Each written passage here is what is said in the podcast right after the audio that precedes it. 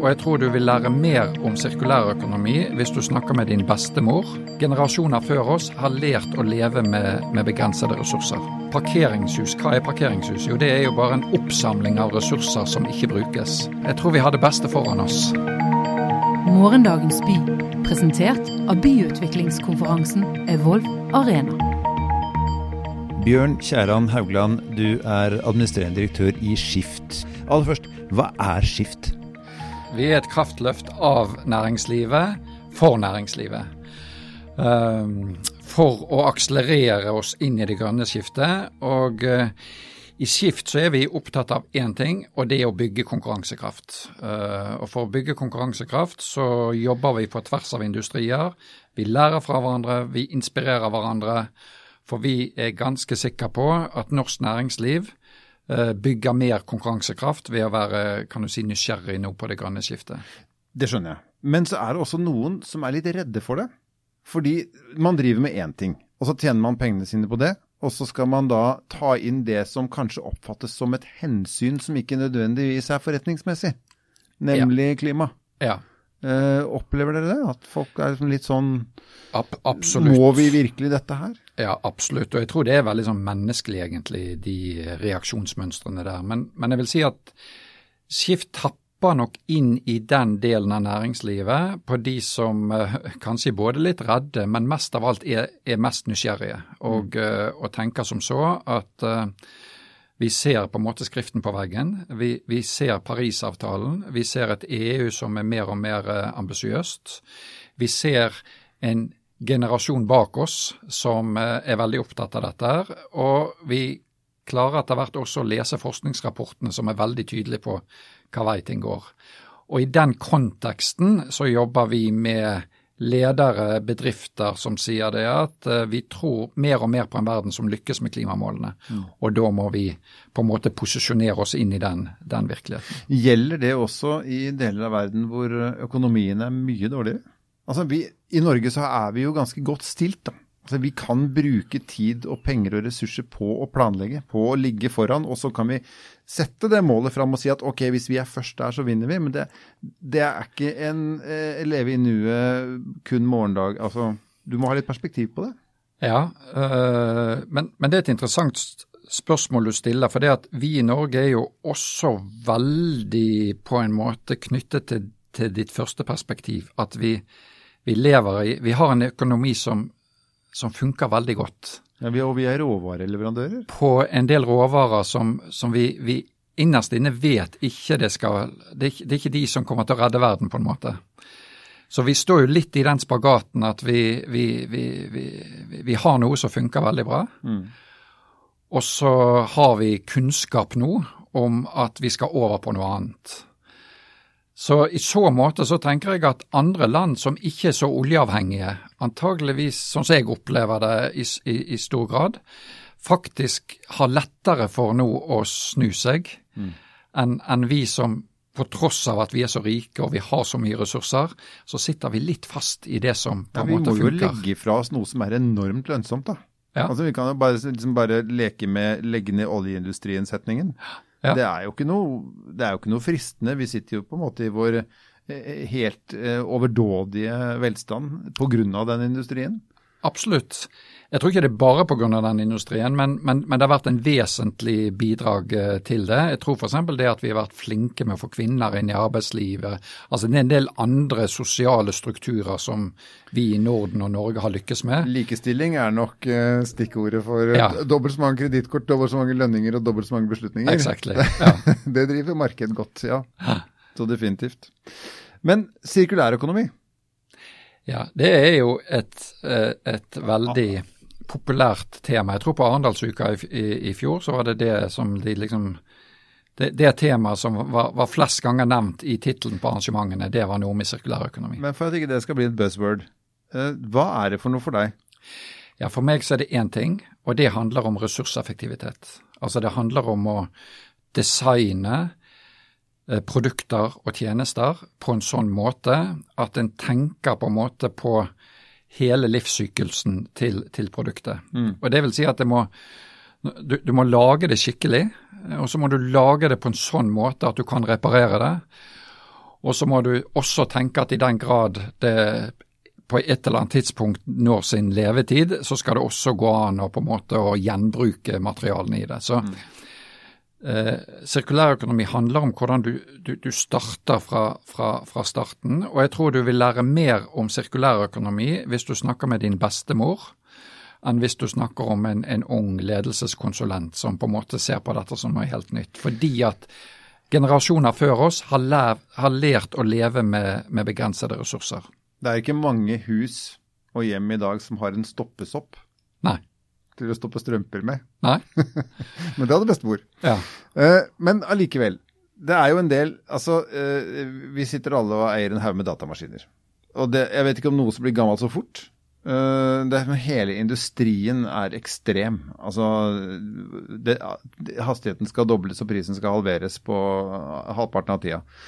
Uh, er det mulig å tenke sirkulær økonomi inn i alle deler av økonomien? Fordi det virker som det, det, det er det stikk motsatte av driveren da, mange steder. Altså, Jeg mener at svaret på det åpenbart er ja. Uh, men men når du ser hvordan vi har produsert eh, spesielt produkter, men til en viss grad også tjenester over de siste, la oss si etterkrigstiden, mm. eh, så er det klart at vi, vi, vi, har, vi har 100% bygd på en linær tankegang. Vi lager tingene, vi bruker tingene, og vi kaster tingene. Så i så måte må vi se til naturen. Der er alt bygget på sirkularitet. Det er mm. ingen avfall i naturen. Det, det, er på en måte helt sirkulært. Og, og det er klart at vi har, vi har distansert oss 100% fra en sånn tenkning i vårt forbruksmønster, og, og datamaskiner er et, et, et, godt eksempel på det. Men at det er mulig? Ja. Men det krever et helt nytt tankesett enn en det som jeg snakket med en forleden, så, så kalte vår generasjon linear idiots. Mm. Altså at vi, vi, vi tenker bare lineært. Vi tenker bare bruk, og kast. Mm, og ikke hva som skjer etter det. Nei.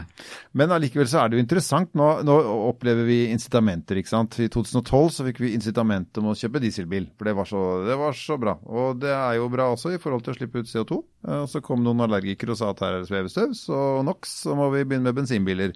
Og så skal vi begynne med elbiler. Men det vi gjør er jo å kjøpe enda flere biler som blir ja. Eh, lagd. Hadde det egentlig vært Prøv å lete etter et litt sånt lekmannseksempel. da hadde det vært best om jeg bare kjørte den 20 år gamle Merca til det ikke var noe igjen av den, liksom? Eh, levert den på et sted som visste å håndtere sånt noe? Ja, altså eh, det å, det å, bruke opp det vi allerede har produsert, uh, mener jeg er en god, god strategi. Altså Hvis du er kjekkas med ny elbil, så er du egentlig bare Nei, altså, Du er ikke helt på sporet? Uh, nei, de aller fleste har jo kjøpt litt sånn som du er inne på. Uh, nå skal jeg ikke ta alle over samme kam, men veldig mange har jo kjøpt nei, en ekstra. Jeg har, bare lyst til å pirke, en, pirke litt i dette her. Kjøpt en ekstra elbil. Ja, fått noen fordeler og god samvittighet og alt. Liksom. Og så er det jo klart i kontekst av, av, av, det vi skal snakke litt mer om her, så er det jo klart at det er jo ikke, det er jo ikke privatbilen som er løsningen uansett. Altså elbilen redder ikke verden. Nei. Da må vi snakke mye mer om kollektivtransport. Vi må snakke mye mer om bildeling. Husk at de fleste biler de brukes under 10% av tiden sin. Mm. Resten av tiden står de i ro. Mm. Parkeringshus, hva er parkeringshus? Jo, det er jo bare en oppsamling av ressurser som ikke brukes. Se hvor mye landarealer, se hvor mye byarealer vi bruker til å samle på ressurser som ikke brukes. Så, så hele, og, og, det er klart at I Norge så er det jo litt sånn at eh, sant, den elbilen er blitt et veldig viktig symbol. Mm. Uh, og Jeg sier ikke at den ikke er viktig, fordi at hele sektoren må avkarboniseres, og da er elbil løsningen. Men i forhold til å tenke på en måte sirkulært rundt dette her, ja, så er det kollektive løsninger, mm. delingsløsninger. Det er fremtiden, og det vil møte oss. Da kjøper ikke du lenger et produkt, men du kjøper en tjeneste. Kjøper den, den, transporten jeg trenger. Ja, og mest sannsynlig kommer den til å være mye billigere for deg mm. enn den bilen du har i dag. Ja, det er klart det koster til og med penger å parkere den. Hvis du har bil også, så har vi jo per nå to biler som står og gjør ikke noe. Ja. ja. Nei, det er ikke så vanskelig å se akkurat det, det poenget. Det jeg lurer på da, er eh, hvis vi skal forbruke så mye mindre, for det er jo kanskje en del av løsningen. Vi kan, vi, vi kan ikke holde på som vi gjør hvis vi skal nå Paris-målene. Eh, er vel ikke da skrekkelig mange folk uten jobb? Det er utrolig mange mennesker i sving for å gjøre meg happy. Ja. Forbruks-Anders, eh, han blir glad av å få alle tingene. Nå merker jeg at jeg jeg er glad at jeg ikke kjenner liksom hele, hele liksom forbruket ditt. Hele mønsteret mitt. Ja. det er ikke så gæren. Jeg gjør meg litt verre enn jeg er. Men, eh, men nå er det jo heldigvis analyser som går inn og ser på nettopp dette, som viser det at eh, et sånt sirkulært eh, samfunn også er jobbskapende. Mm.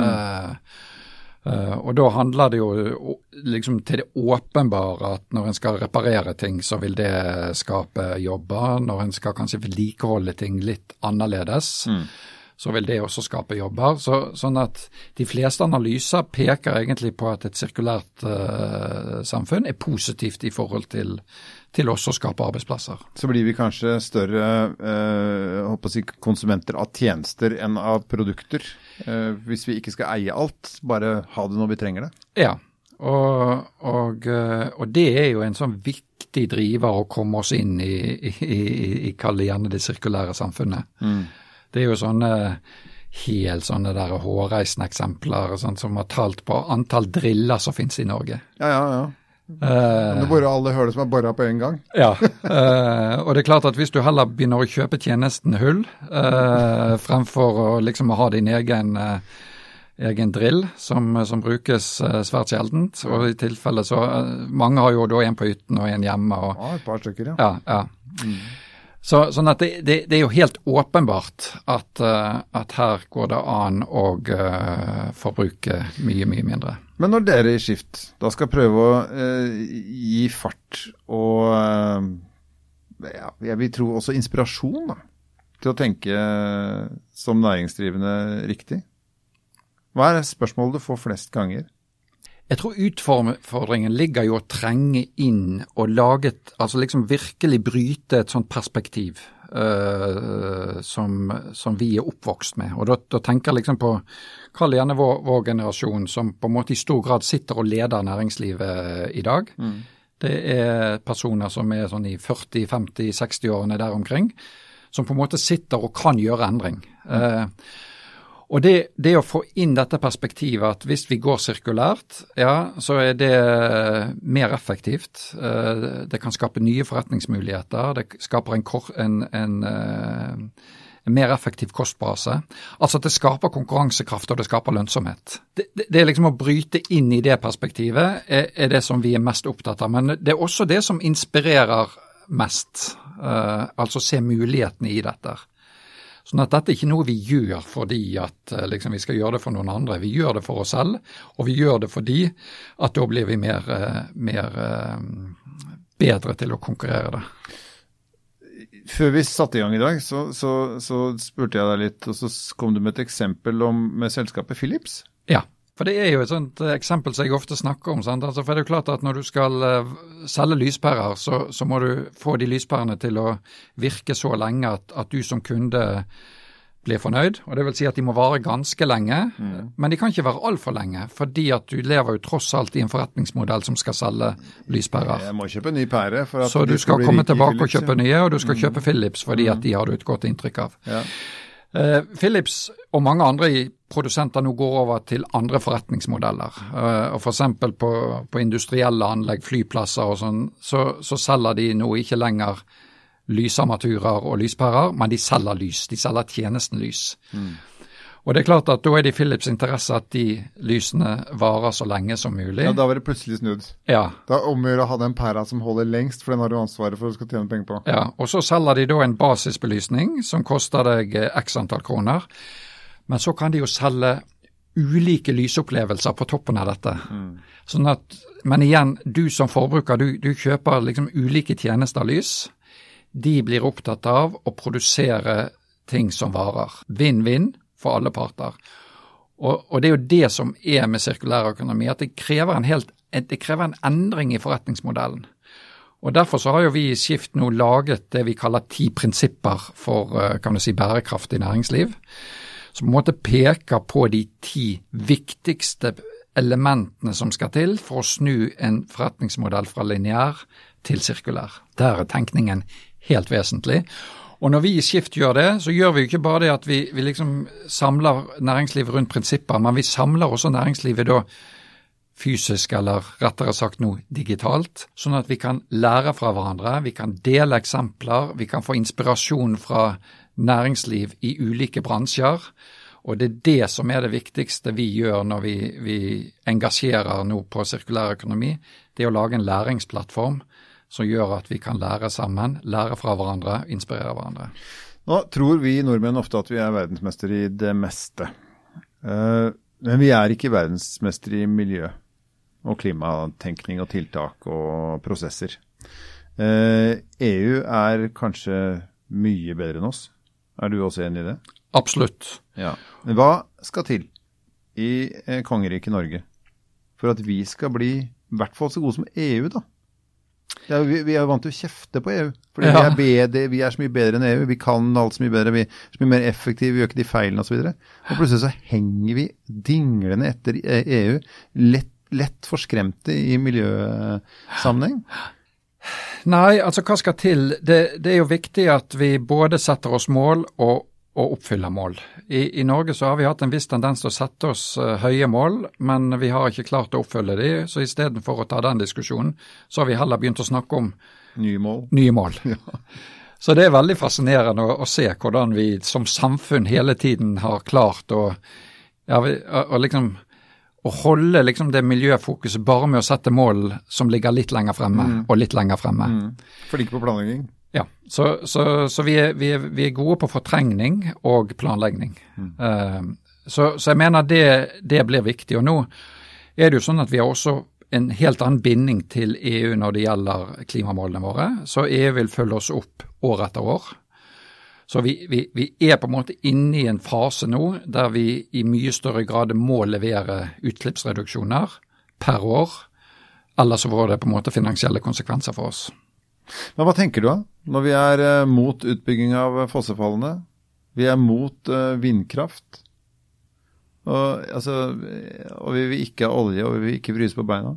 Ja, ja. Altså, vi, må jo, Nei, altså vi, må jo finne, vi, må jo, finne, på noe snart. I hvert fall ja. finne oss i noe snart. Ja, altså Skift er jo en sånn plattform som i utgangspunktet er for ting og ikke mot ting. Ja. Så, så det, det, er det jeg jobber med. Så jeg prøver å, liksom, å gjøre litt sånn som Nils Arne Eggen og Rosenborg lå under etter første omgang. Kom en journalist og sa nå skal du vel gå inn og fortelle de alt de har gjort galt. Mm. Så sa Nils Arne nei de gjør et par ting riktig, og jeg skal kun snakke om det. ja. fordi at jo mer de tenker på det, jo mer rette ting gjør de i andre omgang. Ja. Og de vant kampen. Og, og, litt sånn er det vel eh, det som jeg tenker òg. Så vi må f.eks. elektrifisere eh, transportsektoren vår. Vi er mm. kommet godt i gang. Vi må gjøre mye mer av, av det.